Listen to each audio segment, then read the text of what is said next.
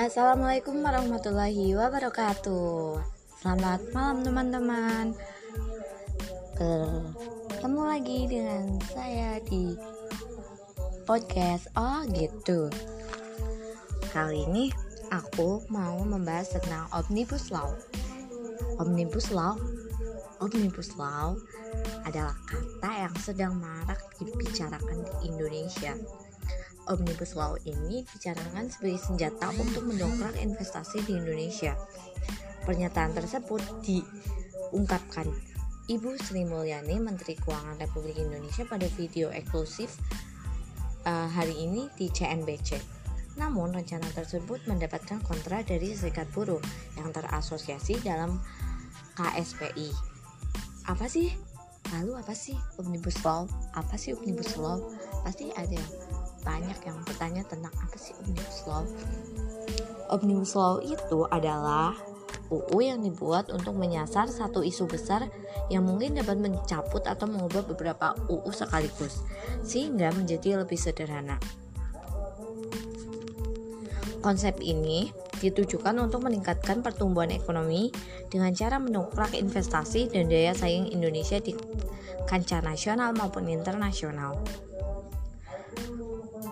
konsep omnibus law ini sudah sempat uh, sudah lama dibicarakan dan sudah sempat diungkapkan Presiden Republik Indonesia yang sekarang Jokowi di pidato pertamanya pada saat pelantikan Pres Wapres 20 Oktober 2019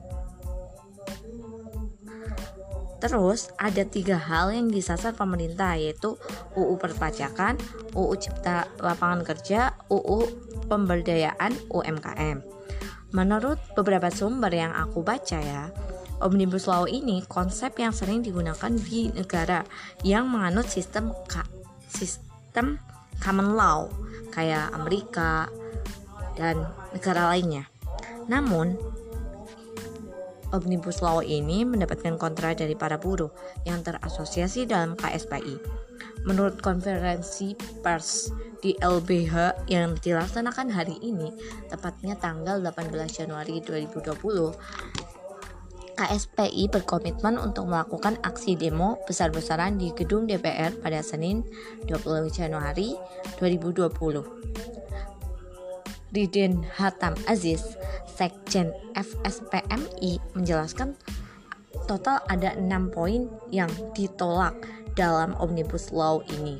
Salah satunya upah minimum yang dibuat per jam.